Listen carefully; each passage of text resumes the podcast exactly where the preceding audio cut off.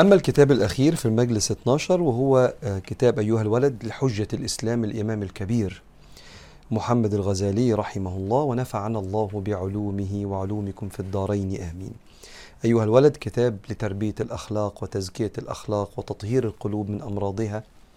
كتاب بيشتغل على القلب والروح والنفس. قال الإمام الكبير وهو ينصح آه، تلميذه قال واعلم أيها الولد أن بعض مسائلك التي سألتني عنها لا يستقيم جوابها بالكتابة والقول. وإن لم تبلغ تلك الحالة تعرف ما هي. وإن لم تبلغ تلك الحالة تعرف ما هي. وإلا فعلمها من المستحيلات لأنها ذوقية.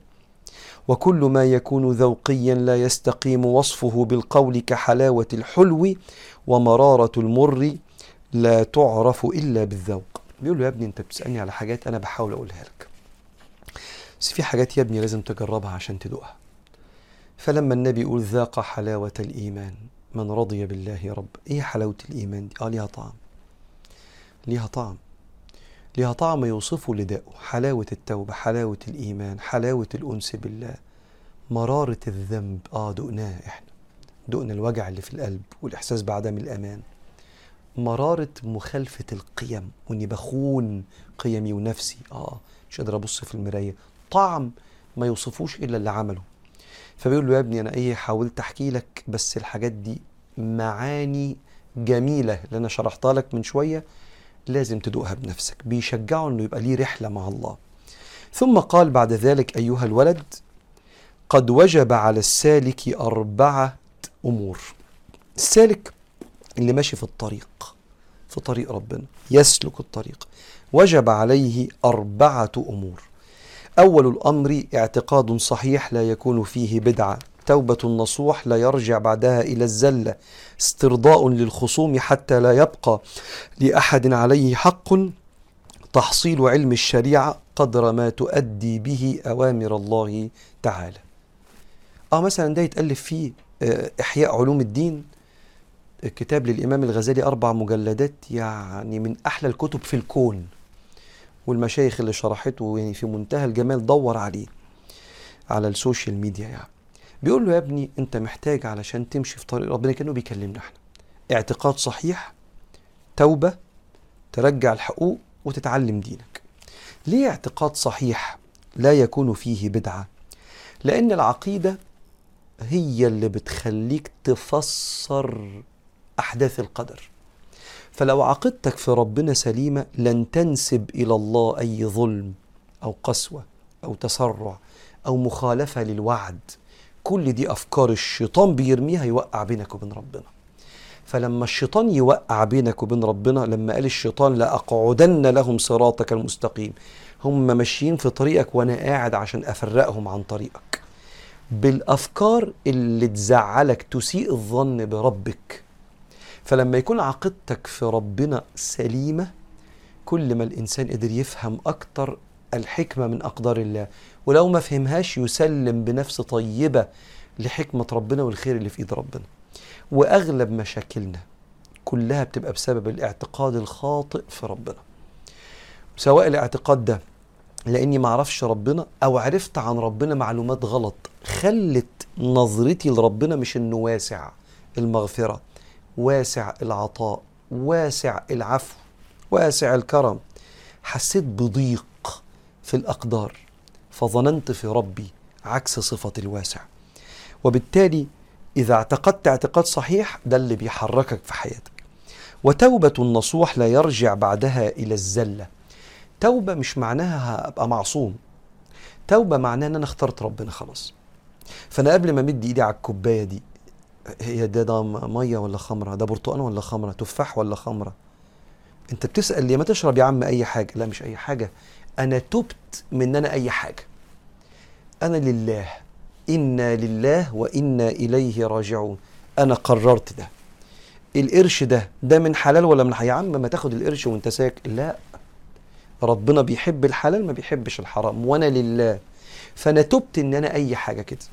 يأتي سيدنا النبي كده عليه الصلاه والسلام يأتي على الناس زمان لا يبالي المرء إن أخذ المال أمن حلال أم من حرام. في زمن كده مش مهم ربنا يقول إيه إيه المهم انبسط. لا. فأنا تبت من عدم الاستقامة اهدنا الصراط المستقيم. جوه الاستقامة دي بغلط وتوب وأضعف وتوب. قل إنما أنا بشر مثلكم يوحى إلي أنما إلهكم إله واحد فاستقيموا إليه واستغفروه وويل للمشركين.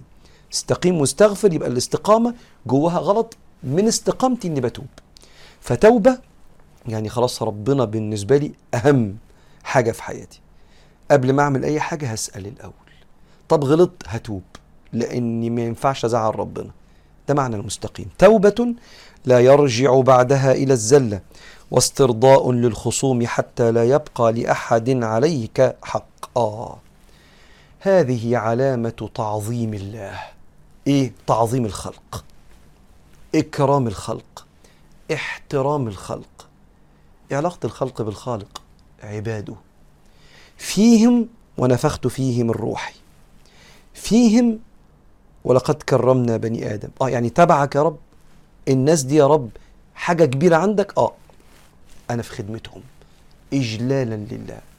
لكن أروح زي ما النبي قال عليه الصلاة والسلام بصلاة وصيام وصدقة يعني زكاة وحج وقد أتى وقد ضرب هذا سفك دم هذا أكل مال هذا شتم هذا. أيوة بس أنا جاي بتاع ربنا هو بقى. أنا العابد بتاع ربنا. وأنتوا شوية بشر. دست عليكم وكلت مالكم بس أنا بتاع ربنا. فتيجي يوم القيامة ربنا ينصرهم عليك. يا اللي أنا شايف إن أنا بتاع ربنا. ليه؟ لأن الإنسان اللي هو بتاع طريق ربنا بجد زي ما بيعبد زي ما بيخدم ويكرم. مش بيعبد ثم بعد ذلك رقبته مليانة حقوق. فبيقول له يا ابني عايز طريق ربنا يفتح عليك فيه في العلم والرحمة والكرم. حقوق الناس ترجع. حقوق الناس ترجع. قالوا الشيء الرابع اللي محتاجه وتحصيل علم الشريعة قدر ما تؤدي به أوامر الله. اعتقاد صحيح؟ لا يكون فيه بدعة توبة نصوح لا يرجع بعدها إلى الزلة استرضاء للخصوم وتحصيل علم الشريعة. آه. أنا مش هعرف طريق ربنا لما أتعلم. مش ممكن يبقى سني كبير كده وأبقى مهندس ولا دكتور ولا ايا كان وأكون بعمل حاجات تبطل صلاتي أو مش عارف نواقض الوضوء. ما أعرفش ما لا يسع المسلم جهله. بيسموه المعلوم من الدين بالضرورة. لازم أتعلمه عشان أعمل أركان الإسلام. ولو بتاجر لازم أتعلم ازكي قد إيه من تجارتي دي. كل واحد يتعلم من أركان الإسلام اللي مأمور بيه واللي, واللي ربنا كلفه بيه. فتحصيل علم الشريعة قدر ما تؤدي به أوامر الله. تعلمت. كنت إنسان حقاني. كنت شخص تائب إلى الله من البعد عنه. واعتقادك سليم ده انت ماشي في طريق النبي. ده انت أخلاقك حلوة ده انت مش منفر. انت مش المتدين اللي الناس لما بتتعامل معاه بتكره وتكره الدين. انت اللي الناس بتحب تناسبك وتقعد معاك وتسمعك وتتكلم وتستنصحك لأنك رحيم. ومش واخد حق حد. وتائب إلى الله سلوكيتك مش فتنة واعتقادك سليم. معرفتك بربنا حقيقيه فقال له الأربعة دي يا ابني دي سكتك لربنا. ونقف هنا ونكمل المرة الجاية إن شاء الله في المجلس اللي جاي في الكتب الأربعة.